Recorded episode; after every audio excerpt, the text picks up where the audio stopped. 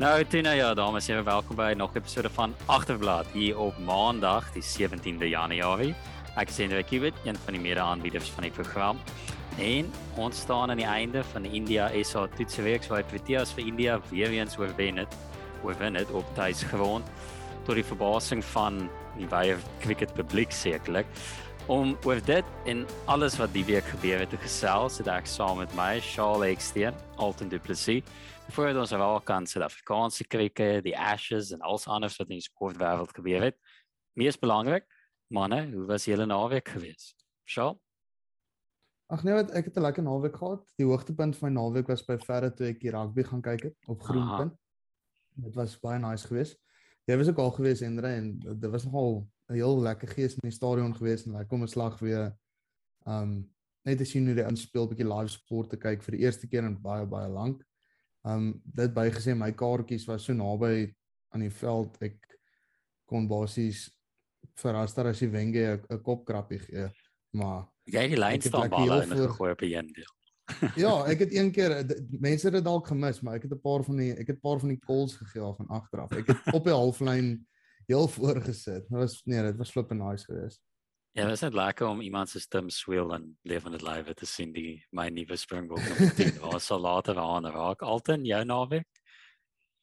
Ja, ehm um, so ek is nou nie meer soos julle manne nie. Ek het begin werk nou so oh. begin Januarie. So ek het 'n uh, tipiese groot mens naweek gehad. Ek het Saterdag terwyl jy gegallivant het, het ek uh, was goed gewas en toe gestryk. Wow. Uh, ek kon daarom 'n bietjie sport kyk terwyl ek stryk, maar maar dit was my naweek gewees en toe Sondag het ek geslaap. So uh, daar's 'n daar's 'n ou by my werk is van vrou, hoe gaan dit dan sê hy dit gaan sometimes uh sometimes good and sometimes bad en ek dink dis hoe my naweek maar was. Kyk, Alton is basies een keer die woord laity gebruik weg van die meefde van terme van oud word. Dan weet jy dat waar werk self vir jy wys na al die manne as laity, dan weet jy. Nou, praat dan dan sekerlik van 'n groep laities wat heel goed gedoen het.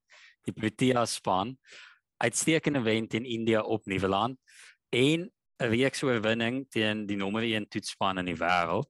Al dan ek en jy het nou al half geraak aan alles wat ons wil sê aan dit of net begin raak aan dit in ons van die blad af korte episode. Maar baie om te gesels oor die week in die algemeen die span hoe dit hoe hulle perform het plekke wat dalk beskikbaar is maar sal net eerstens by jou jou gedagtes van derde toets en die feit dat ons die week so gewen het teen India. Ek dink dit soos jy gesê het tot verbasing van die van die weier cricket ondersteuner. Ek dink ons het baie goed vertoon. Ek dink wat ons baie gehelp het in hierdie in hierdie toetsreeks, nie net die derde toetsie is spelers wat in in groot oom of klein oomblikke groot perform het. Um bedoelende ouens soos Lunging Giri wat kort spels baie goed gebou het en ouens wat bietjie meer consistent gespeel het, is wat ek gedink het hulle gaan. So oor die algemeen voel ek vir die eerste keer in die hele tydjie baie positief oor die Protea span, maar ek wil nie um my hoop opkry meer as wat ek dalk moet hê. Alton, wat jy gemaak nou paar dae weg van die einde van die week, as jy terugdink aan die week, hoe groot verbasing was dit vir jou dat ons vir India wen? Ja, kyk, vir die wêreldkriket publiek is dit 'n absolute skok. Ehm um, dit, dit was vir my 'n bietjie snaaks dat mense van die begin af op gesê het die Proteas is die underdogs in hierdie reeks. Ek dink dit was bietjie te ver gevat. Ek dink mense het dit bietjie te veel opgeblaas dat ons so sleg is. Ehm um, as mens dink India het nog nooit vir ons gewen in Suid-Afrika nie. En ja, hierdie is nie die beste Suid-Afrikaanse span ooit nie. Maar ek ek dink om te sê ons was so ver underdogs geweest, is dit te ver gevat. Dit gesê, uh ek dink definitief dit dit is 'n verbasing. Ek het nie gedink ons gaan die reeks wen nie. Ek het gehoop ons kan 'n gelykop uitslag kry. Um ek dink daar's miskien 'n klein kans dat ons dit kan sneak, maar ek het nie gedink ons sal dit op die ou end al was dit 'n naby reeks relatief oortuigend wen in die derde toets nie. Um so ek dink dis 'n baie groot prestasie vir 'n jong en onervare Protea span en dit is iets wat hulle regtig regtig baie trots kan wees. En hopelik kan hulle nou bou op hierdie momentum vir die reeks in Nieu-Seeland. Ehm um, en dat hulle aanhou en aanhou bou dat dit nie nou een tree vorentoe en dan drie tree terug oor 'n maand is nie. Ja kyk ek dink baie van die nuus af van die veld het al bepaal wat mense gedink het hoe die span op die veld gaan wees.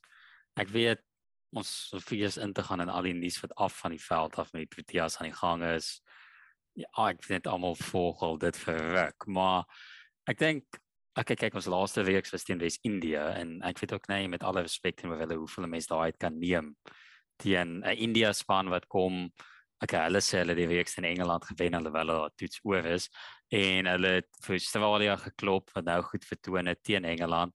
So ek dink hulle het met baie momentum ingekom en ek dink met soveel vrae rondom ons span en spelers wat uit vorm was en nuwe spelers wat ons probeer in die span inbring, dink ek dit als bygedra tot die atmosfeer van jy weet is kan hy Proteas van eintlik daar die rekord op ons tuisgrond in India verdedig. Nou as ons kyk na die derde toets spesifiek, um dink jy India sou te leef gestel wees dat hulle dit laat glip het? Want ek dink as jy kyk na hoe ons vertoon het in die eerste kolfbeer, dink ek die momentum was by hulle gewees. En waar dink julle het dit geswaai in die wedstryd self? Want ek dink ek dink India sou spyt wees met 'n goue geleentheid wat half laat gaan.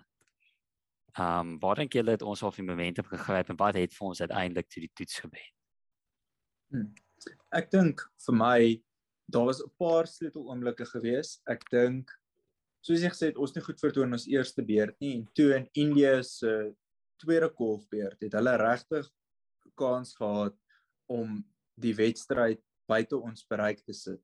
En hulle daai klomp paaltjies vinnig verloor en en vir Richard Pant wat 100 gekry het gelos, daar was niemand meer by hom nie.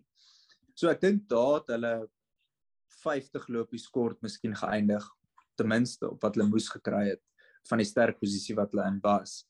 Uh dit gesê die Proteas het soortgelyk gegly in ons eerste beurt.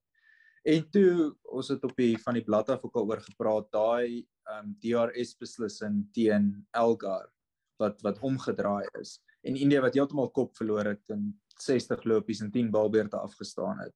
En as jy net 200 verdedig, is 60 lopies baie.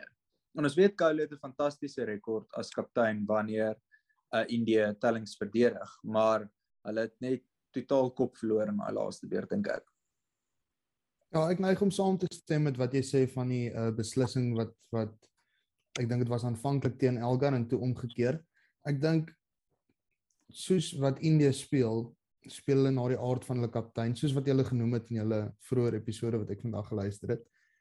En ek moet net sê, ehm um, so goed soos wat India kan wees het hulle het hulle regtig waar cool verloor. Dit is die eerste keer wat ek sien wat 'n span so gesamentlik cool kan verloor wat aan die bulkant is.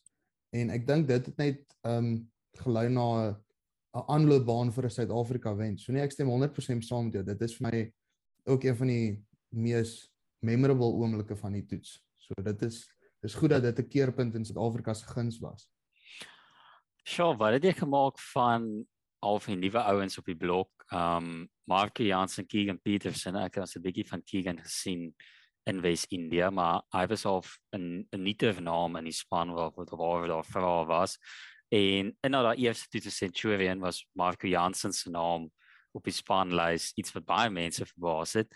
Hoe dink jy het hulle vertoon in die reeks en gegroei deur die verloop van drie toetse en dink jy hulle het was is nou 'n vaste plek in ons span vir ons toekoms nou toetskrik. Ja, na Keegan Peterson ons bietjie van hom gesien het, voor ons hom gesien het in Wes-Indië toe sy naam op die lys was, het ek gevra wie is hierdie ou? En toe ons um, nou voor hierdie voor hierdie reeks begin het, het, het ek dieselfde vraag weer gevra, maar wie is dit?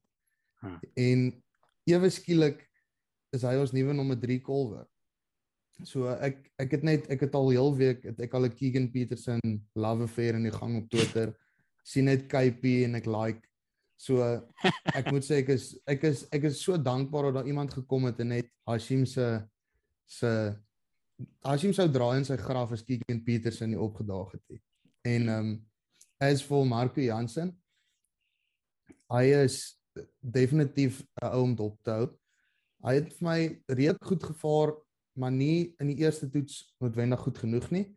Um hy het daarom gegroei en gebou daarop en tot op die punt wat hy vir Jasper het Boomerang gesê het maar luister kom ons gaan staan 'n bietjie buite en gesels oor sake. So net ehm um, dit wys my hy, hy dit klink dalk simpel maar dit wys hy het bietjie vertroue gekry in homself en dis dalk wat hy nodig gehad het om goed te vertoon in die opvolgende wedstryde. Oh, hm. Ja, ja, nee wat ek gesê is uh ek dink met Marco Jansen, ek dink hy het hom omtrent nou undroppable gemaak in die span, dink ek. Ehm um, dis so waardevol om 'n linker arm bowler te hê op internasionale vlak. Ek het 'n video gekyk van Jared Kimber, hy's een van uh Cricket Info se groot joernaliste waar hy uh, die video het eintlik gegaan oor Neil Wagner Wagner wat ook al.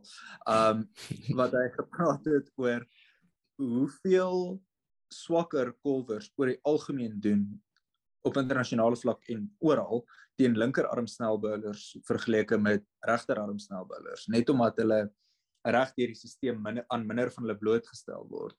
So ek dink Marco Jansen is Suid-Afrika se eerste behoorlike linkerarm snelbowler in toetskriket en ek sluit nie manne soos Wayne Parnell in as ek dit sê nie.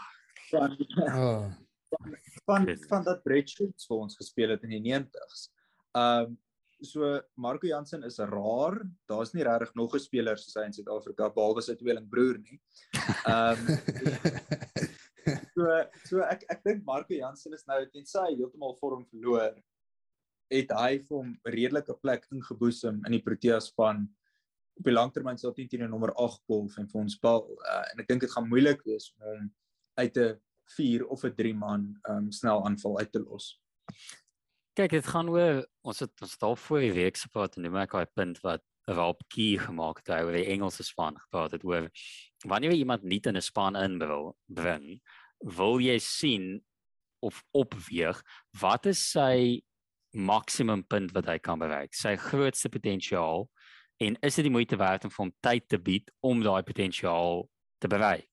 Of vat jy eerder 'n persoon wat nou 'n bietjie op vorm is, maar jy weet sy ceiling, soos wat hulle nou in Engels sê, is nie so hoog soos Arnhuisen. Nou, in Jansen se voordeel is hy het al die measurables wat mense kan hoop vir 'n fast bowler. Hy's omtrent 800 meter lank. Die bal kom uit die wolke uit bal vinnig, hy kan nog vinniger bal. Goeie lyn en lengte na hy daai eerste dag gesukkel het, goed op dit getoon. Goeie, jy weet, variability tussen hy's nie net omdat hy lank is bou hy kort nie. Hy pitch die bal op, hy vat die risiko om paaltjies te vat. En ons het gesien soos wat Charles genoem het, hy het bietjie vier binne. Ja, hy hy like of soos ou wat geen emosie toon nie en toe ewe skielik te wys het in India se soos top ster in hulle bal aanval. So ek dink soos wat jy sê, ek dink te sê heeltemal van 'n jy weet klif afval. As hy basies guaranteed om 'n plek in die span te kry bloot omdat om hom te kan groei, omdat hy nog so jonk is ook. Ja. En en die leknings omdat hy so lank is, selfs of vallig in 'n klif af sal hy right wees. Uh, wat ek wat ek wat ek, wat ek dink een ding is wat Marco Jansen nog kan verbeter, ehm um, is ons het gesien of ek het opgelet in basies al die beurte wat hy gebou het. Sy eerste spel, die eerste keer wat hy kom bal, is super ekonomies en dan die ander spels wat hy terugkom, raak hy duurder. Al breek hy nog steeds deur en vat nog steeds paaltjies. En ek dink dis iets wat beter sal raak soos hy sterker raak en fikser raak wat ons nou maar kom met ouderdom. Jy kan sien Marco Jansen is op baie maar gebou vir 'n uh, vinnige bowler. Omdat hy so lank is, gaan hy nou nooit lyk like, soos Mike Tyson nie. Maar hy hy sal bietjie uitvul en dit sal vir hom meer stamina gee en dan dink ek dit gaan vir hom nog gevaarliker maak. Hy nog meer balbeerte, nog meer consistent kan bal. So ek dink regtig hy's hy's vir my die find van die die toetsreeks nog meer as Kevin Peterson.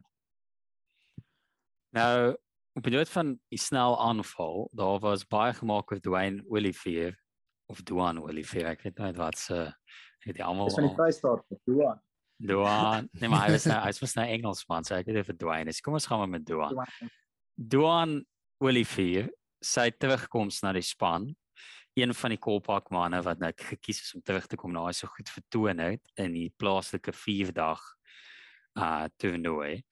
Um wat het hulle gemaak op die ou einde van sy vertoning in die laaste twee toetse? Dit was omtrent op die punt van 'n optog toe hy uitgelaat is uit die eerste toets in Centurion het hy, jy weet, die vlak bereik wat jy gedink het hy gaan wees toe hy terugkom groot hype oor hom gemaak of dink julle hy's half in 'n risiko dat ek, dink een van die bowlers gaan hulle plek verloor wanneer keer terugkom.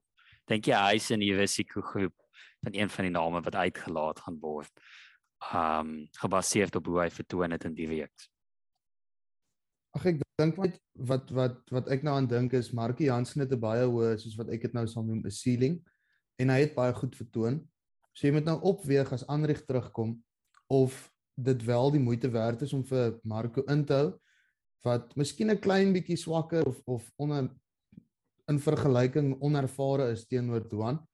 Um of jy vir Marco inhou en hom laat ontwikkel of jy vir Duan speel oor 'n kort termyn uh, wen plan, sal ek maar sê. So dis maar vir my die groot ding en hier moet ek sê ek dink Marco Jansen het goed genoeg perform dat hy sy plek in die span kan hou. Dink Dwayne, ek het meer verwag van hom en net bloot daaroor sal ek sê hy is definitief in gevaar om uitgelaat te word. Ja, Dwayne Olivier was my bietjie teleurstellend. Ehm um, hy hy was nie so vinnig soos wat hy was voordat hy Engeland toe is nie. Uh, maar ek dink dis iets wat mense algemeen sien as mense gaan goalpak speel. Dit is ehm um, in Engeland die bowlers wat die beste doen is die ouens wat se balspoed in myl per uur en sy ouderdom amper dieselfde is soos Darren Smith wat 46 is 62 myl per uur bal en vir Marlus op beskag nie elke keer uitgekry het wat hy teen hom gebou het in die reeks. Um, ja, net vir sê dit was dit nou nie die spoedmasjien wat gebruik was. Dalk is al ons spoedmasjiene hier gebruik. Een of ander conversion wat hy uitwerk. Ja. Ehm um, maar wat doen Olivier? Dit was my bietjie teleurstellend geweest. Ek dink hy het baie vaardighede geleer soos ek op van ons van die blad af gesê het.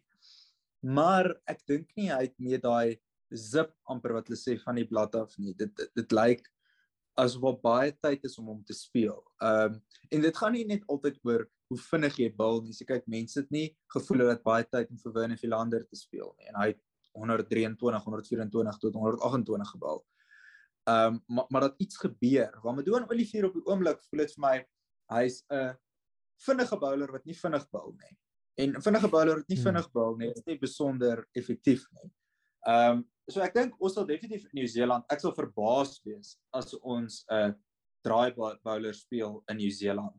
So ek dink ons gaan 10 en 4 vinnige bowlers speel en dan 'n all-rounder wat ook 'n vinnige bowler is. Ehm um, ja, ons nog sien wie die all-rounder is. Ah ja, weet jy sê nie. So, maar maar maar vir my dink ek sal dit dan 10 10 en wees Rabada en Gidi Norke, hy's die vinnigste een van ons bowlers by verre. Hmm. En dan en dan Marco Jansen. Jansen kan golf ook wat die ander nie kan doen nie. Ek dink Olivier is nog steeds in die groep wees van Nieu-Seeland, maar hy was vir my bietjie teleurstellend geweest. Ek het meer verwag.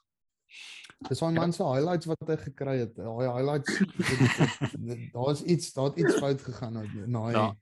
Hy mop, hy dik mop geslaan het. Hy het regte Joburg look nou vir hom gekry maar. Ja. Ek weet hy hy is so stadig soos Joburg verkeer. Ek weet ek weet nie daar nie maar ek kyk net wat hulle sê. Um ja, ek weet dit dis um ek dink hy sit bietjie in 'n in 'n snaakse plek want ek dink almal onthou die potensiaal en hoe hy half op die scene opgekom het teen Pakistan en hoe ons gedink het jy weet sy average is van die beste wat ons al gesien het en toe verloor ons hom vir 'n klomp aantal jare nou is ek dink almal is half tot 'n mate set up vir hoe jy het nou UFC gegaan jy dink jy was so groot kom ons wys nou maar wat jy geleer het en ek dink mense is baie vinnig op sy case maar ek is self bietjie teleurgesteld in die sin van hy buite die feit dat hy stadiger is, hy is regtig soos leaky met lopies. Soos hy regtig weer. Hy het nogal baie lopies weggegee en mense kan dit vergewe as dit half met spoed is, soos wat as hulle nou in Australië raak, hulle klaar dit oor Mitchell Stark en as dit is nie my bal van as dit is hoekom hy lopies weggee. Ja. Ek weet nie mooi wat Olivier sê. Ja, was is net Shane Warne. Ek weet ek moet sê hulle, is net Shane Warne, maar Mitchell Stark en Baal. hy hy klaar die oomblik se begin opwarm. Maar nou van die bal aanval na die golflys. Um moet julle wat se rol dink julle Dean Elgar se kapteinskap en leierskap gespeel in ons wen teenoor India. Ons het nou gesien hy het half na die publiek uitgekom en gesê jy weet hy moet paar ouens bietjie aanvat en hy het definitief 'n ander jy weet golfstyl amper aangeneem as die ou wat probeer inbly. Um van die openingskolwers ek weet een van hulle moes sekerlik in bly maar so daai ander mans uh, raak. Maar wat het jy gemaak van Dean Elgar se rol en sy kapteinskap die weeks? Uh soos soos ek van tevore al genoem het, ek is 'n groot fan van Dean Elgar se kapteinskap. Ek dink hy doen dit baie goed. Ek dink hy's regtig 'n gritty karakter met daai uh, over my dead body houding wat ek dink afspeel of of uh afspoel na die res van die span toe wat ek dink baie goed is. Ek dink wat Elgar ook goed gedoen het hierdie reeks is hy oomblikke toe hy gekolf het aangegryp. Hy het gevoel as die momentum begin draai en dan het hy regtig die mes begin draai in Indië en hy het hy het daai oomblikke aangegryp en en regtig probeer kapitaliseer op daai oomblik en ek dink dit het vir ons baie momentum gebring um van vroeg in ons golfbeurt af. Ek ja, ek dink dit is waar wat jy sê wat wat jy sê van hy die mes begin draai en die en die momentum gevoel en die en die druk het hy gevoel is ook op India en ek dink as jy as 'n kaptein speel in 'n in 'n kolwer rol soos Elgar as jy nog meer bewus daarvan. So dit is vir party ouens goed, vir party ouens sleg. Ek moet sê Elgar is iemand wat wat uitstekend gewys het onder druk en hy was bereid om om homself op die spel te sit. So uitstekend vir hom ook waar hy baie goed vertoon is. Ek dink as jy kyk hoe dinge gaan by Cricket Suid-Afrika, kort jy iemand om die ouens net bietjie agter die nek te gryp en sê luister, Dwayne kleer jou hare normaal en dalk 10 km/h vinniger of of net iets in daai lyn, jy weet. So ek moet sê hande klappie vir Elgar, hy het hy was great geweest hierdie toetsreeks. Ek dink voordat ons nou welkom wat ons dink aan verbeter. Ek dink ons moet 'n oomblik ook gesels oor Themba Bavuma in die loop van hierdie week. Hy's 'n man wat baie onrekordig geplaas word by feit dat hy nou nie by nog 100 kan uitkom nie, maar ek dink hy het sy plek in die span en sy naam baie goed gedoen met die week met innings na innings waar hy ingekom het in moeilike situasies en goed deurgekom het en lopies bygedra het wat ons gered het sê net maar van 'n baie swak score na een waarmee ons dalk ten minste meer kan werk. So net 'n woord of twee wat jy gedink het van hom en sy vertoning in hierdie week en sy plek in die span. Altyd. Ja, ek dink Temba regtig 'n fantastiese reeks gehad, regtig.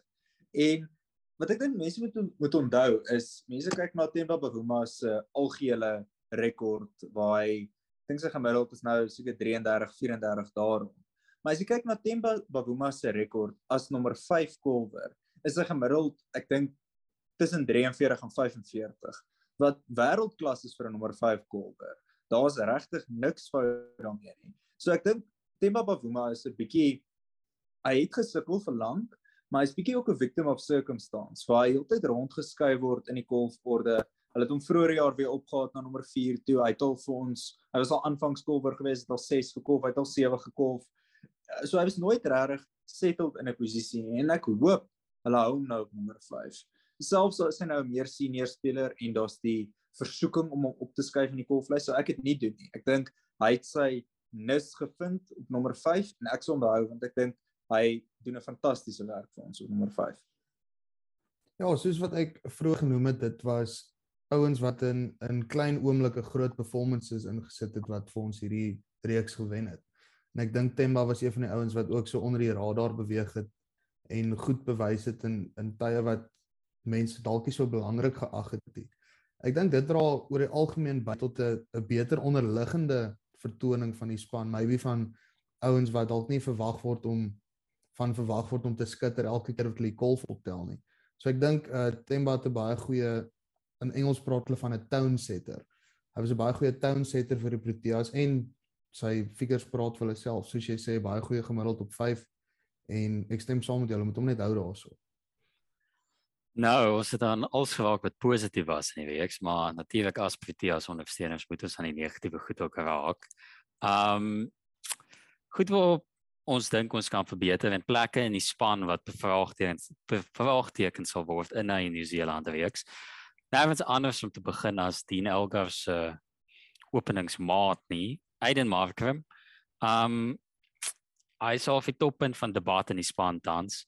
hy ek weet nie hoe veel ek, ek kon nie meer as 10 overs gefeis het die hele week nie in terme van aantal balle nie. Um man het verskriklik gesukkel in die Indiese snel aanval en die nuwe bal. Dink julle hy gaan nog in die span verskyn in Nieu-Seeland volgende maand? En dink jy dis nog die moeite werd om hom in te hou in die hoop dat hy half sy vorm omdraai uh vir ons as 'n opener? Um ek so, dink ons kan hom dalk inhou want hy hy is een van ons mees talentvolle kolwers. Ek weet daar's baie sprake gewees om hom nie op op 1 of 2 te kolf nie. Maar waarheen gaan jy dan met hom en wie gaan uit en wie kom in Markram se plek in? So moenie verbaas wees as Belcher net 'n kaart gooi en sê luister ons stiek by Markram. Hy is die ou vir ons. Hy's 'n goeie kolwer. Um maar ek sien nie dit gaan goed uitwerk vir die Proteas en ek's half bietjie skrikkerig dat dit gaan gebeur. Kyk, ek dink die probleem waarmee ons sit is hy hy hy uitstekend vertoon in witbal cricket. Ons het al vir die en hy's een van die ouer spelers in die span, alhoewel ek dink hy's net 27. So hy hy, sal werk daar meer ervare speler. Um en ek dink al sy potensiaal in die ander formaat sit al die plek dat die mense vir hom 'n kans wil gee. Alton, wat dink jy is die gaan die besluitneming wees rondom hom? Ja, ek dink dis interessant as mens kyk, jy het net praat van sy hoe goed hy gedoen het in witbal cricket. Wat mens moet onthou van Adam Markram is, hy het oorspronklik gesukkel in witbal cricket en hy was fantasties in rooibal cricket. Ja. Ek dink sy gemiddeld na sy na sy eerste 10 toetse was 55 of so iets. Hy het honderde gekry teen Australië en Suid-Afrika 2 of 3 in 'n reeks. Ek dink hy het gemiddeld van 60 gehad in die reeks teen Australië. Ehm um, waar Engeland se hele top 6 saam omtrent eers gemiddeld van 60 teen Australië het. Ehm um, Maar ses is dalk nader maar.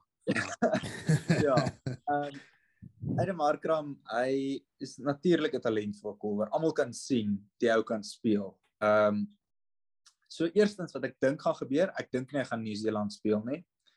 Ek wow. dink hulle gaan hom uitlaat en hulle gaan hulle gaan vir Saksarel RW insit. Ehm um, ek ek ek is nie 'n baie groot Sarel RW aanhanger nie. Ek dink natuurlik kan hy speel uit goed gedoen teen India A.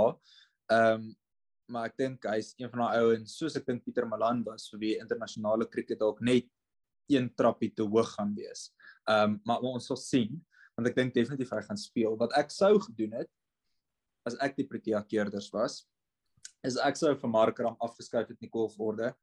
Ek sou nommer 4 toe geskuif het. Ek dink langtermyn is Aiden Markram die volgende Protea kaptein in alle formate. Ehm um, hy's ook die enigste Protea kaptein wat alle wêreldbeker gewen het saam met. Hy het so dit moet seker vir Ehm um, en dan sou ek vir Rassie van der Dussen laat gaan het. Ehm um, Rassie het alright gedoen vir die toetsspan, maar hy het ook net 'n gemiddeld van 20 in hierdie reeks gehad nou verby is. Hy het nog nie 'n toets 100tal nie, waar Markram al 5 of 6 het marker aan bal bietjie off spin wat vir ons handig kan wees in Nieu-Seeland vir alles ons kies om nie 'n uh, eh, eerste keuse driveball bowler te speel nie. En ek dink Markram gaan minder exposed wees teen die nuwe bal op 4. Wel, hy gaan definitief. Um en ek dink dit gaan vir hom meer ruimte verleen om sy houe te speel. En ons gesien in Pakistan, Aiden Markram nou is een van ons beter spelers van spin ehm um, wat dit altyd sy groot swakpunt was, is dit iets waaraan hy baie verbeter het. Hy het 100 gekry in Pakistan. So hy kan spin speel. Ehm um, so so ek dink dis wat ek sou doen. Dis unlucky vir Rassie, maar ek dink Aiden Markram se plafon is baie hoër as Rassie. Hy's 5 jaar jonger as hy. Ehm um, en ek dink hy het 'n 'n 'n spel wat hom verder kan vat as wat Rassie se hom sal kan neem. Ek dink jy dink met Rassie is ook as ek nog genoem het Mark van team of football cricket everywhere van die distance nog 10 keer erger dit. En ek dink is dit vir die laaste golfbeerd was hier in Nieuweland nie. Ek dink ek sy plek sou ook verdwyn het outomaties uit die span uit. Um net laaste ding oor Mark en voordat ons dan net oor kan spelers wat jy dink half op die grens is om in die span te kom en wie ons dink risiko spelers is um wat dalk hulle plek gaan verloor. Dink jy Marcus se probleem is net 'n uh, geval van vorm ou wat half net uit nikket is. Ons het al baie gesien met die beste spelers in die wêreld waar jy weet as dinge nie vir jou gaan nie, dan gaan dit regtig nie vir jou. Of dink jy dis wat baie mense, ek weet voormalige uh Protea opener Herschel Gibbs was baie op sy case op sosiale media waar hy wat nie weet hoe waar sy afstamp sit nie. Dink jy dis 'n tegniese fundamentele fout wat by Markram sit? Of dink jy dis net 'n geval soos wat jy sê gee die ou net tyd, hy sal sy vorm weer vind? So uh dis nie 'n hopelose saak nie, is dit? Ja, ek Markram is ek dink nie dis 'n groot tegniese fout nie. Ek dink daar's klein tegniese verstellings wat miskien kan maak. Ehm um, ek dink Kulvers het ons gesien uh oor die afgelope paar jaar in internasionale kriket sukkel as hulle op wegpen golf. Uh Markram het vir meeste van die reeks op wegpen gegolf en dan sukkel spelers eerstens want hulle speel buite hulle lyf nog steeds soos wat jy sou speel as jy op middelpen staan, maar dan gaan jaag hulle balle wat op 5de, 6de stamp buite off stamp is en dan en dan edge dit na die klippe toe. En dan as dit gebeur, dan dink jy okay, ek moet meer balle los en dan begin jy balle te los wat op die paaltjies is. Soos wat ons gesien het met Markram. So ek dink nie dis 'n groot tegniese ding waar jy die hele tegniek moet gaan afbreek soos met iemand soos Dom Sibley van Engeland nie.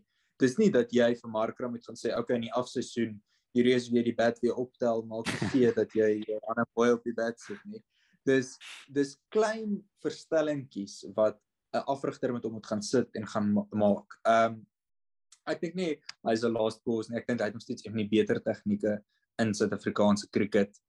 Ehm um, maar ja, hy moet dalk maar vir 'n paar doppe saam met Herschel Gibbs gaan. Nou kyk ons of hulle sy wegpen kan kry. Ja, ek, ja, ek dink hy moet net hy moet net meer sekerheid hê in sy golfwerk want wanneer wanneer hy die, sy mooiste cricket sy beste cricket speel is wanneer hy sy mooiste cricket speel. So ek dink wel punt nommer 1 is om te weet waar jou opstamp is. So soos wat jy sê, altyd hy moet klein goed verstel en ek ek is seker hy sal homself dan opwerk om weer meer van homself te dink en goeie houe te kan speel. Ja, ek ek stem heeltemal saam. Hy speel sy beste cricket as hy aggressiewe mooi cricket probeer speel. En ek dink dis hoekom 'n uh, posisie laer af in die kolflys om nog beter sal pas. Laat Markram inkom op 4 soos dit AB ingekom. Okay, AB te 5 kom maar laat vir Markram inkom op 4 dat hy sy spel kan kom speel, dat hy as ons onder druk is, druk op die bowlers kan kom sit. As ons 'n goeie openingsvennootskap het, dat hy die mes kan kom draai. Ehm um, ek dink net dit dit pas sy tipe spel beter. Ja, snaaks nog gelede 'n klip van 'n ou game toe is in 7 in India waar ek dink die Villiers geopen het saam met Smith. Dis hy sê, "O, oh, waar haal kom dit?" Ja, hy het in Spanje gekom as open. Ja, ja so dalk, ja, jy weet nooit. Um ja, ek weet dit dalk as social gives hom advies gaan gee gaan wees kry vir Boeta dip en af terug in die span laat hom voor jou kolf laat hom net vinnig uitgaan en dan né dan speel jy beste in. Nou, ons het geraak aan Aiden Markram se plek vir dalk um oop is om gevat te word. Watse ander posisies in die span dink julle moet die keerders na kyk om dalk nuwe gesigte um in te bring in die span? En is daar iemand in die plaaslike reeks of wat tans in die setup is wat julle dink uh sy kans verdien om in die plek te, in die span te verskyn? Shaw Um my groot bekommernis is wie gaan vir Keshav Maharaj vervang ah, indien ons ons spesialis veldwerker verloor. Um ek ek dink daai ek dit voel vir my half hy hy is nie net dame om 'n gat toe te stop in die span nie.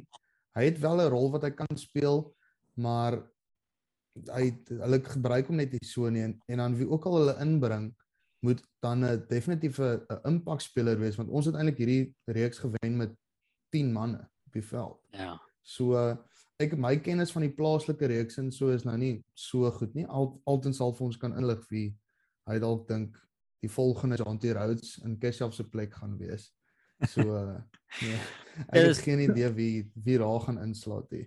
Ek dink die agterblad span het omtrent dieselfde aantal overs in die week gebou as Keshav Mara. Dit is baie laag. Ehm um, Alton ek ek moet hierdie geleentheid gebruik om my een van my gunsteling plaaslike spelers ooit te plug hierso.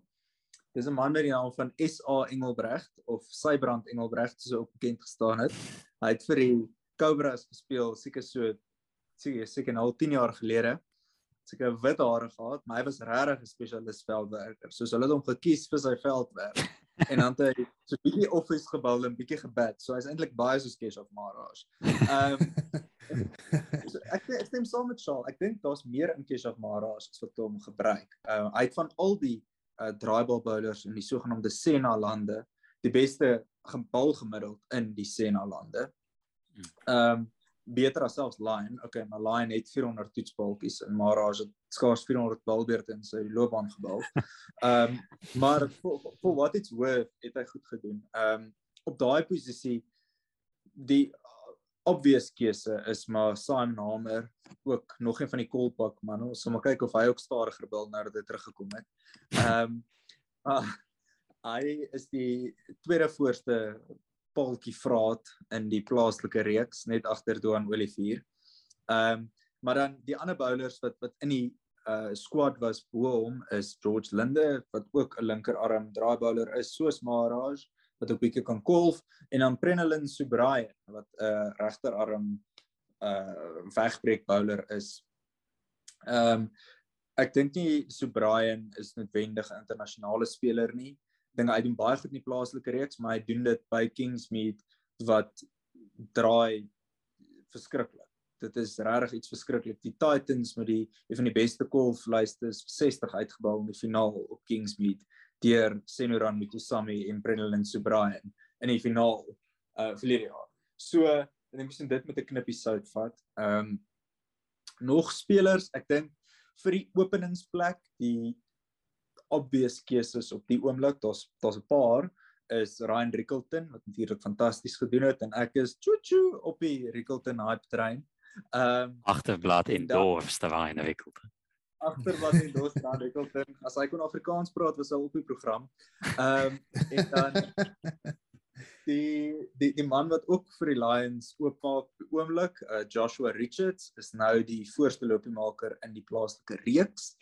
Ehm um, hy's baie goed. Ek het nog nooit sien golf nie, maar ek weet hy's baie goed want hy het op international cricket captain vir my span wat ek gemanage het bulk lopies gemaak en die man het in 2024 dae al vir die Proteas gespeel. So ons sal sien of dit uh, in die regte lewe realiseer. Ehm um, en dan soos ek genoem het Sarel Airways in die groep. Pieter Malan is nog there and thereabouts. Hy het saam met Sarel Airways uh oopgemaak vir die SA span teen Indië. Dan sy broer, sy jonger broer Janeman Milan, is natuurlik baie goed. Uh die probleem met Janeman Milan is hy het 283 lopies in die plaaslike reeks sover van 4 wedstryde, waarvan 201 beurt was. Uh so die res van die beurt het hy basies niks gedoen nie. Ehm um, so so ons sal sien daar daar is opsies. Ehm um, daar's nie baie middelorde kolwers nie. Uh die wat die beste vertoon is Piet van Billjon, maar Piet van Billjon is 36 en hy het al T20 cricket internasionale cricket gespeel maar hy kon nie hond haar afmaak nie. Ehm um, so so dis maar dit. En dan die plek wat ek eintlik die meeste nuuskierig oor is met die oog op die Nieu-Seeland reeks is die plek van die veelsidige speler waar ons vir Wian Mulder gesien het oh. vroeër.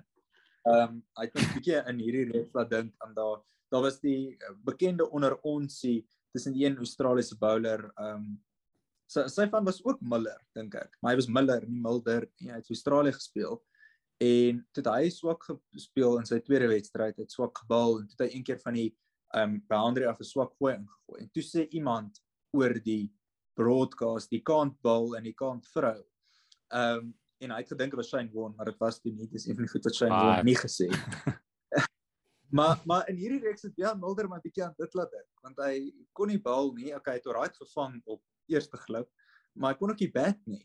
Ehm um, so ek dink dit gaan interessant wees. Natuurlik daar is 'n speler in Jan Mulder. Ons almal weet hy kan goed wees. Maar ehm um, hy was baie swak in hierdie reeks en dit gaan interessant wees om te sien of die keerders met hom volhard want daar is ander opsies. Ek dink Delano Potgieter van die Leeu's is 'n baie goeie speler. Ehm um, hy's fris of hy's van nou van Noordwes dink ek. Hy's fris, hy's sterk, hy slaan die bal ver, hy bal nogal goed uit 'n beter eerste rang se rekord as Wian Mulder. Ehm um, so daar is opsies en ek dink Mulder is definitief onder druk. Ja, kyk, ons het nog oor Wian Mulder, maar daai eerste toets in Turing het al sy uh, stok bietjie laat sink as 'n all-rounder wat nie kon golf of bal of veldwerk doen nie. So ek weet nie mooi of hy dan allround die beste sappies maak wat lunchtyd uitgedeel word of, of wat die man te doen nie maar dis daai Ja, spelry konsentraat. Jy moet hom reg kry. Twee vingers spelry die res maak ag shame ons ek weet ons grap nou weer man as jy sê al is 'n speler was weet hoekom hy in die span moes ingekom het hy is nog jonk so dalk vertoon hy nou beter as hy al weer op klubvlak weer kans kry ander man wat uh, die plek wat al vir my uitstaan is die plek wat beskikbaar gestel was nou lanktermyn uh, na die eerste toets. Ek het al vergeet dat dit gebeur het uh, die hele Quentin de Kock saga na die eerste toets. Kyk dis net ding wat plaaslike cricket vir my bietjie vreemd is van Verwyne het 'n uitstekende average op domestic uh vlak plaaslik. En toe ek Iwan sien kolf, toe dink ek hoe op des aarde average hierdie man amper 50 op plaaslike vlak met voete wat so sementblokke vas is in die crease. Die man beweeg nie. Dis als in die wrists, maar is bietjie te veel aan. Um dink jy hulle sal sekerlik maar met hom bly omdat hy nou lank al vir ander studie was na te kok. Maar dink jy ons paaltjie wagter opsie is dit die beste een om in te bring? Um vir alles mense dink aan Rickelton dalk hoog in die kolflys sit, sal mense nou sekerlik vir hom dan die of die ekstra verantwoordelikheid vir gee as paaltjie wagter nie. Of dink jy iemand soos Klasen wat ons gesien het in die in die T20 wêreldbeker, dink jy hy staan 'n kans vir paaltjie wagter? Of uh dink jy dis vir Reyne se plek vir eh, vir ten minste nog 'n paar weke? Um ja, ek dink met daai tegniek wat ons sover gesien het van Kyle Verreine, gaan hy swaar kry in Nieu-Seeland teen Saudi en Bolt en selfs Wagner wat die bal bietjie swaai. Um so ek ek dink dit gaan maar broekskeer gaan. Uh iets wat mens altyd moet onthou met enige speler wat van die um WP of Boland afkom of die Cobras vroeër is die Cobras waar Verreine sy goeie rekord gebou het het helfte of selfs meer as helfte van die wedstryde in die Parel gespeel op 'n pad wat definitief platter as Gauteng se N1 is. Ehm um, en, en dit is ek bedoel die, die tellings daar was 500 vir 6 speel teen 400 vir 4 en dan se wedstryd verby. Dit was regtig baie plat geweest. Ehm um, en die al mense wat daar enigste spalkies gevat het is ouens wat bietjie die bal gedraai het soos Dave Piet. Ehm um, so ek dink mense met sy rekord met 'n bietjie van 'n knippie sout vat. Ehm um, hy is 'n belowende speler, sal ek sê. En ek dink hy gaan sy plek hou vir Nieu-Seeland. Ek dink nie hulle sal hom so vinnig uitgooi nie. Ek dink nie daar's 'n obvious keuse om by hom oor te neem nie. Uh soos jy genoem het Rickelton, Rickelton het eintlik in die plaaslike reeks die beste dismissals per innings. Ehm um, hy kry gemiddeld 4 vangkanse wat hy benut per ehm um, innings. Nie dat dit 'n aanduiding van veel is nie. Hy speel op die Wanderers waar daar net pace bowlers basies speel. Maar daar's nie baie obvious ander mense nie. Krushile is goed, maar Krushile is nie so goeie kolwer nie. Ehm um, hy was al gekies vir die T20 span op potensiaal meer as enigiets anders. Uh Gian Kloete het al gespeel vir die T20 internasionale span, maar ek dink nie hy's noodwendig internasionale standaard nie. Klaas en Kolf goed is hy 'n internasionale standaard paaltjie wagter. Na sy vertonings in die T20 wêreldbeker is ek seker nie. Ehm um, en dis maar dit, dan is jy by manne soos Wandile Makwetu wat goed gedoen het sy onder onder 19s en okay doen by die Knights, maar nie die wêreld aan die brand speel nie. En en, en dis maar soort van dit. Uh dan is daar ehm um, Roan Haasbroek wat keep by die Lions van dat ehm um, Rickelton by die Proteas is. Haasbroek wat ek dink 'n baie goeie paaltjie wagter is, maar wat omtrent nog niks eerste rangs cricket eers gespeel het nie. So half omdat daar nie soveel ander opsies is nie, dink ek sal Verreine vir nou ten minste sy plek hou. Ja, Um, ag, ek ek moet sê dat dit ekskuus Hendrik, baie in die rede, dit voel vir my Suid-Afrika nou die inverse van 'n probleem is wat ons gehad het. Dit voel vir my met die kolwers wat ons nou sien deurkom het, ehm um, Elgar wat goed vertoon Bewuma en natuurlik Petersen. Is dit nie meer ons het 'n paltjie wagter ons soek kolwer nie. Dit is nou ons kan vir Quentin half van hom vergeet. Ehm um, maar wie gaan actually die agter die stamp staan? En vir daai rede iemand wat ook kan golf moet ek sê Rickelton ek moet saamstem ek is ook op die trein. So dit is eintlik net vir my half uh, skokkend om te sien hoe soos hoe hoe min paltjiewagters het ons wat eintlik operate in die grense van van Suid-Afrika.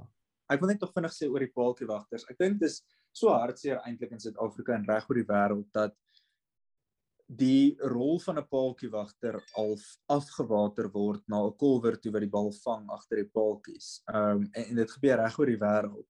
Waar ek dink daar daar's regtig meer van 'n kuns daaraan. Ehm um, mense kan self 'n guns doen, gaan kyk na video's van Jack Russell. Ehm um, vir vir Engeland en vir ek dink hy het vir Gloucestershire gespeel. Dit was absoluut unreal. Hy regtig, dit was ongelooflike paaltjiewagterspel.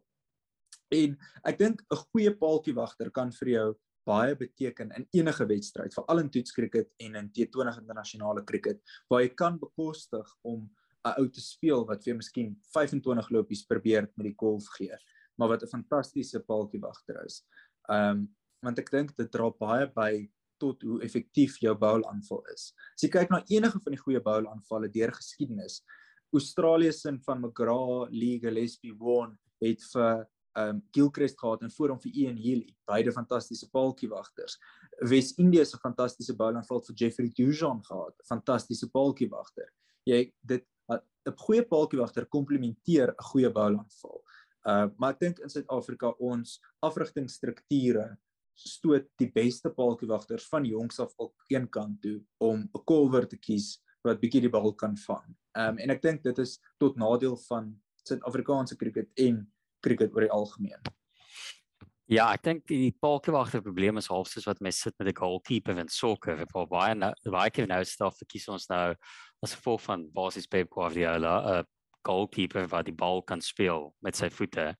En dan kom mense eers agter mense kom regtig eers agter dat mense 'n goeie goalkeeper nodig het wanneer die mense 'n foute maak of wanneer jy na een soek en ek dink dit gebeur baie met palkewagters ook is dat mense kom eers agter wat mense mis wanneer mense iemand het wat glad nie eens die bal kan raakvang nie.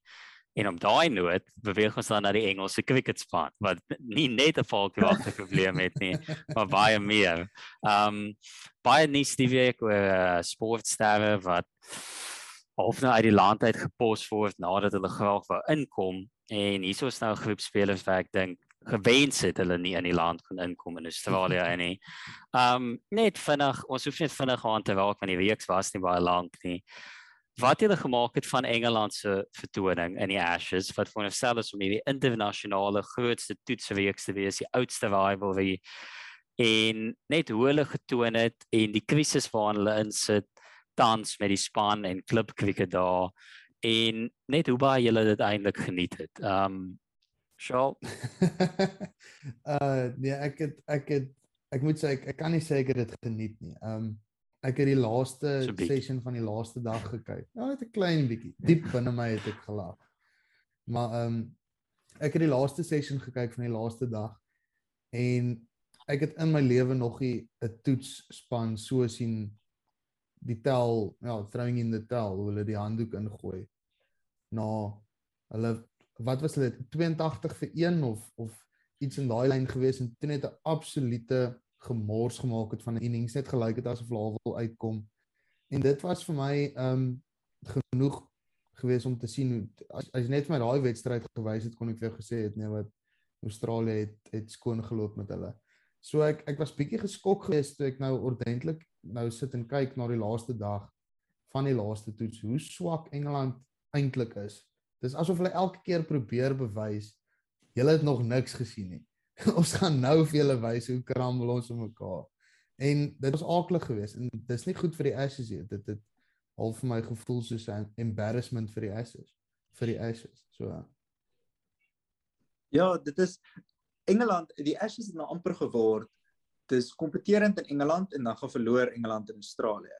Hmm. Ehm um, ja. Ek, ek ek moet bietjie opkom vir Engeland uh hulle span het beter gevaar as Novak Djokovic want hulle kon ten minste die land binnekom. Ehm ah, ah. um, maar soos jy gesê het, Ray, uh Engeland het ag World Test Championship punte verloor omdat hulle stadig was op hulle um override, die ball tempo wat teen hulle overs moes bal in die eerste toets en toe het hulle 4 punte gekry omdat hulle gelyk op gespeel het in Sydney.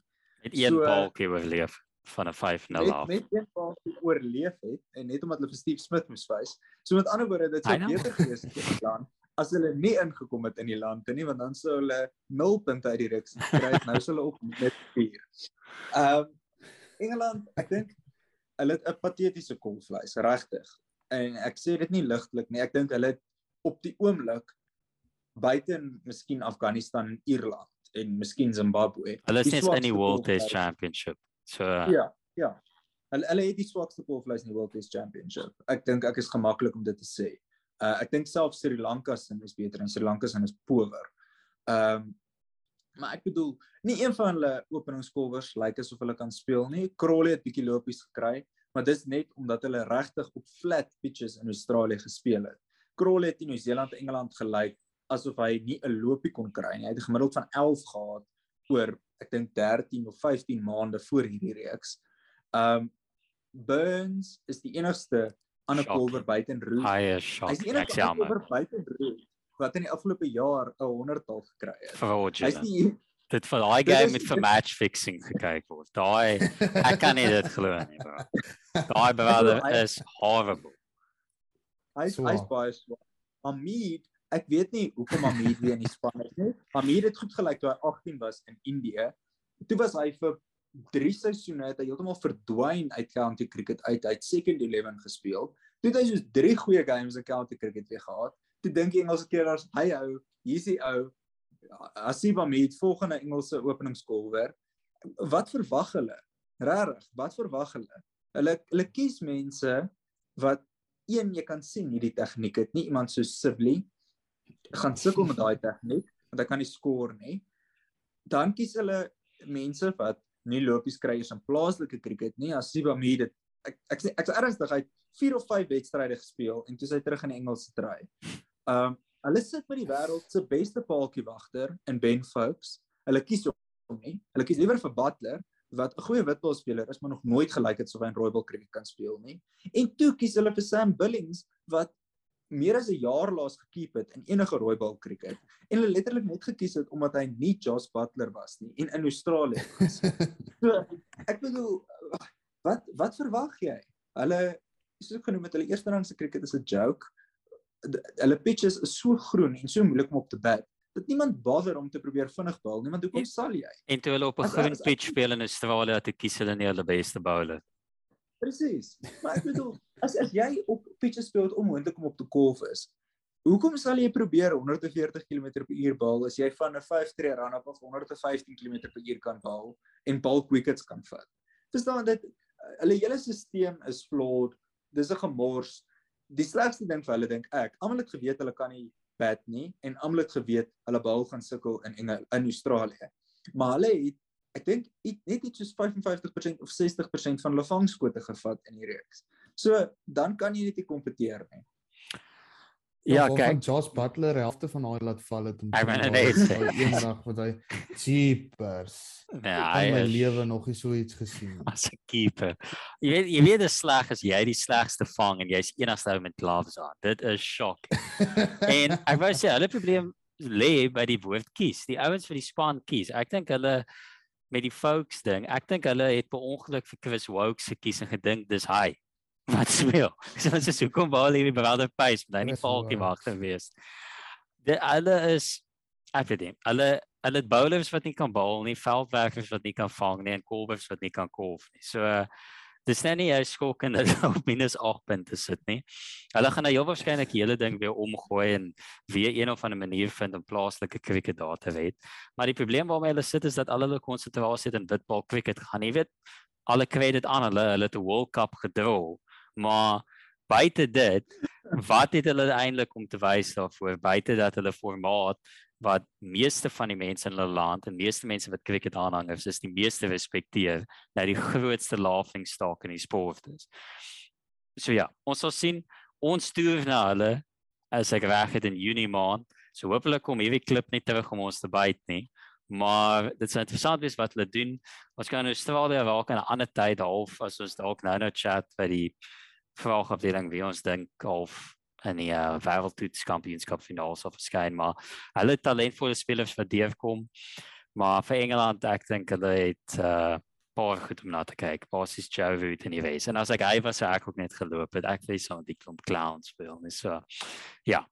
Nou ons het dan beter kompetisie hier by die Port gooi want dit is dan nou juis die uh, tellbord segment wat nou begin waar ek aan ons paneellede 30 sekondes gee om met vrae te antwoord wat ek kan hulle stel en dan sal ek dan nou die crown place aan die persoon wat die beste antwoord bied vir daardie vraag.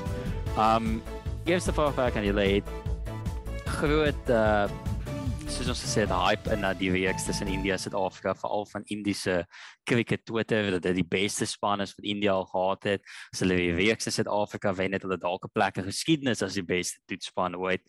Uh en nou het hulle die week verloor en Virat Kohli het uitgetree as kaptein.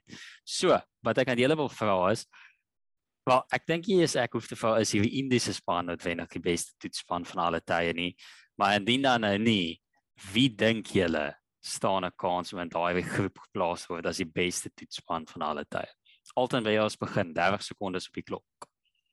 OK, ek sal begin. Ek sal sê uh die Indiese toetsspan nou is so bietjie soos Pieter Grant. Want as jy 'n Stormers fan was, jy gedink hy moet Springbok speel, maar as jy enigiemand anders was, jy gedink dis die ou se so hard.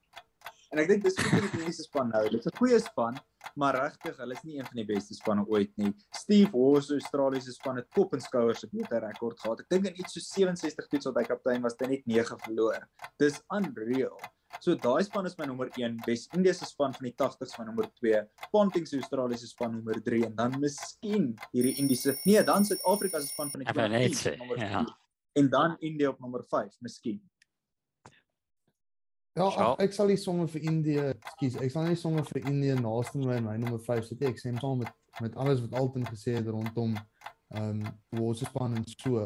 Maar net ek wil net sê Indië se span spelers tot speler gewys is hulle baie sterk span. Maar ek kan dieselfde argument maak vir enige ander toetsspan wat ons gesien het in die afgelope 20 jaar wat ook power players gehad het in sekere posisies. So as jy net teen dit afspeel, Nee, en ook hulle het nog nie regtig veel reg gekry nie. Hulle is 'n goeie span, maar ons het hulle gewen en hulle het verloor in die Test World Champs. So. Ek kyk, ek weet ek weet nie of mense argument kan maak oor die beste Indiese span ooit is nie, maar nou ja, ek ja. Uh, ek stem saam met wat julle beide gesê het.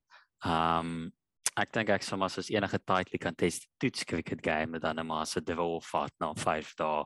Dis nie hulle in die punte deel. Um soos julle gesê het, ek dink instantly aan Ponting se Australia span, ons span onder leiding van Graham Smith. Daai span is net up there om daar in te kom. So ongelukkig vir India dink ek hulle beste span ooit die feit dat dit nie is die Protea span voordat ons nou weer gesien het dat almal afgeskryf het kon klop nie dink ek jy verdien om enigstens naby aan dit te kom. Dan nou ehm um, af van wat ons al gesien het in na uh, hierdie cycle van die wêreldtoetskampioenskap.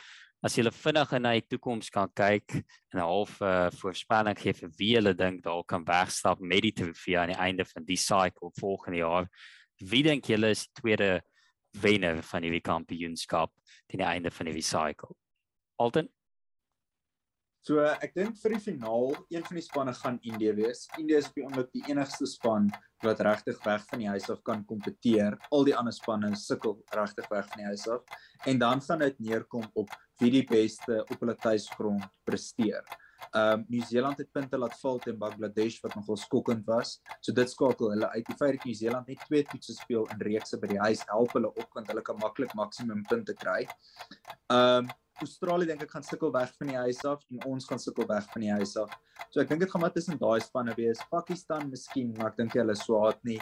En dan wie dit gaan wen, die finaal gaan in Nieu-Seeland wees sover as ek weet. So as dit een van die Sena lande is teen Indië, dink ek hulle gaan een van die Sena lande gaan wen. As Indië teen enigiemand anders is, dink ek Indië sal dit vat met hulle snel aanval. Sjoe. Ja, baie baie goeie baie goeie eksposisie wat jy gegee het. Ek uh, voel net alhoewel die Proteas vir India baie sleg laat lyk like het bly hulle baie goeie span. En tot 'n mate voel ek Australië gaan definitief in die finaal wees maar dit bygesê het voel vir my Engeland het vir Australië beter lyk like as wat hulle eintlik is. Ofwel net hulle self lyk slegter lyk like as wat hulle eintlik is maar ons het nou klaar daaroor geredeneer. So ek ek vermoed ehm um, India Australië sal moontlik ehm um, die beste matchup wees in terme van die beste toetsspan in die wêreld op hierdie oomblik en dan op 'n latere stadium ook. En as dit so uitdraai dat hulle speel, ek weet nie of dit so uitwerk dat hulle teen mekaar kan speel nie in die finaal nie, maar as dit is, dan sal ek dink India gaan deurtrek. Ja, die die die die probleem natuurlik is dink ek met hoe die World Test Championship opgestel is, is dat die span wat wen, die volgende cycle se finaal word in hulle land gespeel. So die probleem dan as India hierdie siklus wen, is dat hulle basies vir altyd World Test Championships champions ja. gaan wees. Want niemand kan wen in India nie. So as hulle tot die finaal kom elke keer dan gaan hulle net why.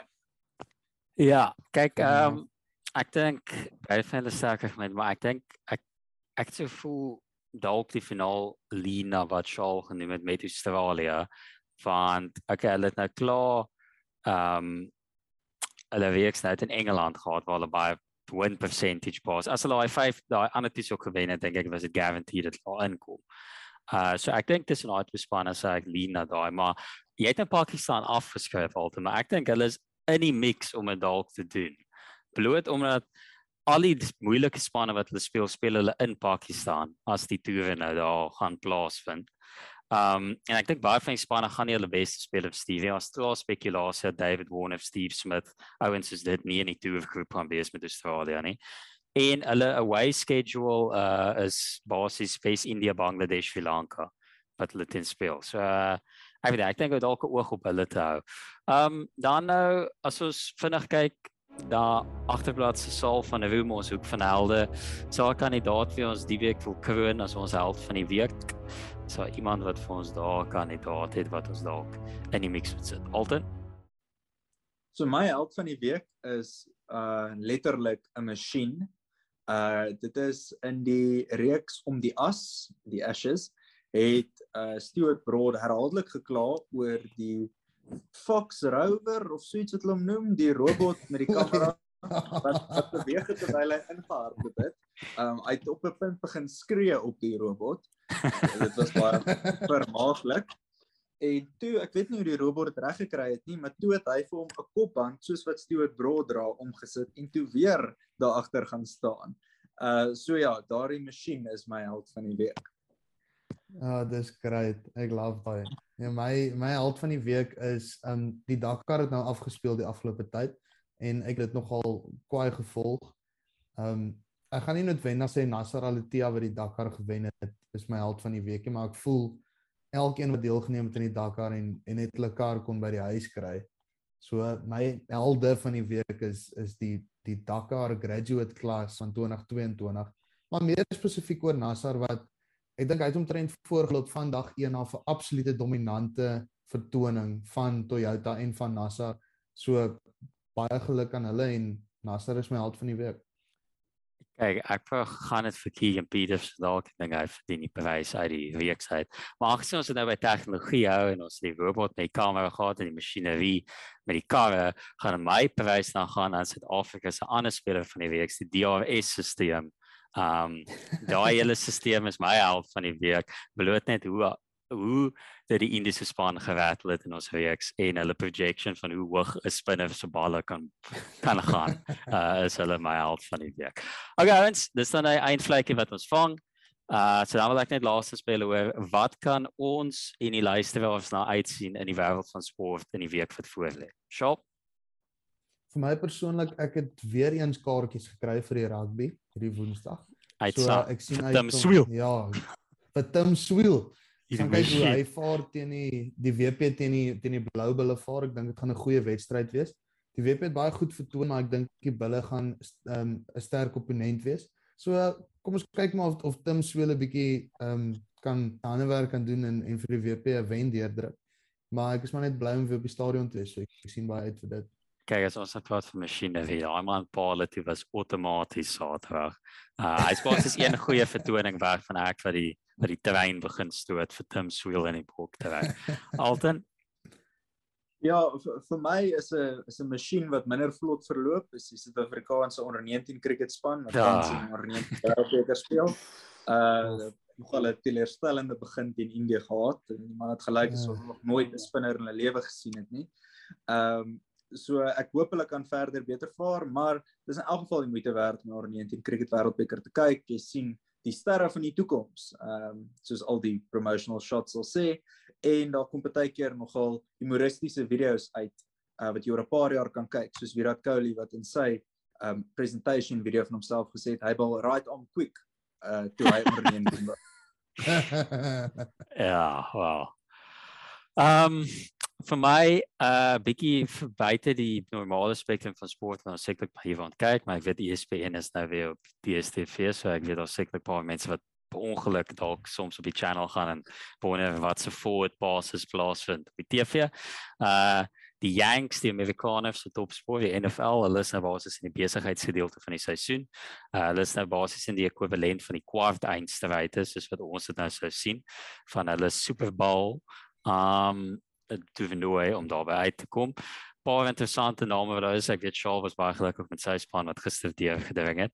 Um en ja, 49ers verdedigende kampioene met Tom Brady wat basies oud genoeg is om meeste spelers se pa te wees wat nog steeds hier in span lê op soek na back-to-back kampioenskappe. So iets om my oog in te hou. So ooit 'n kans was om dalk bietjie in die sport in te kom. Ek dink nou is die moeite werd.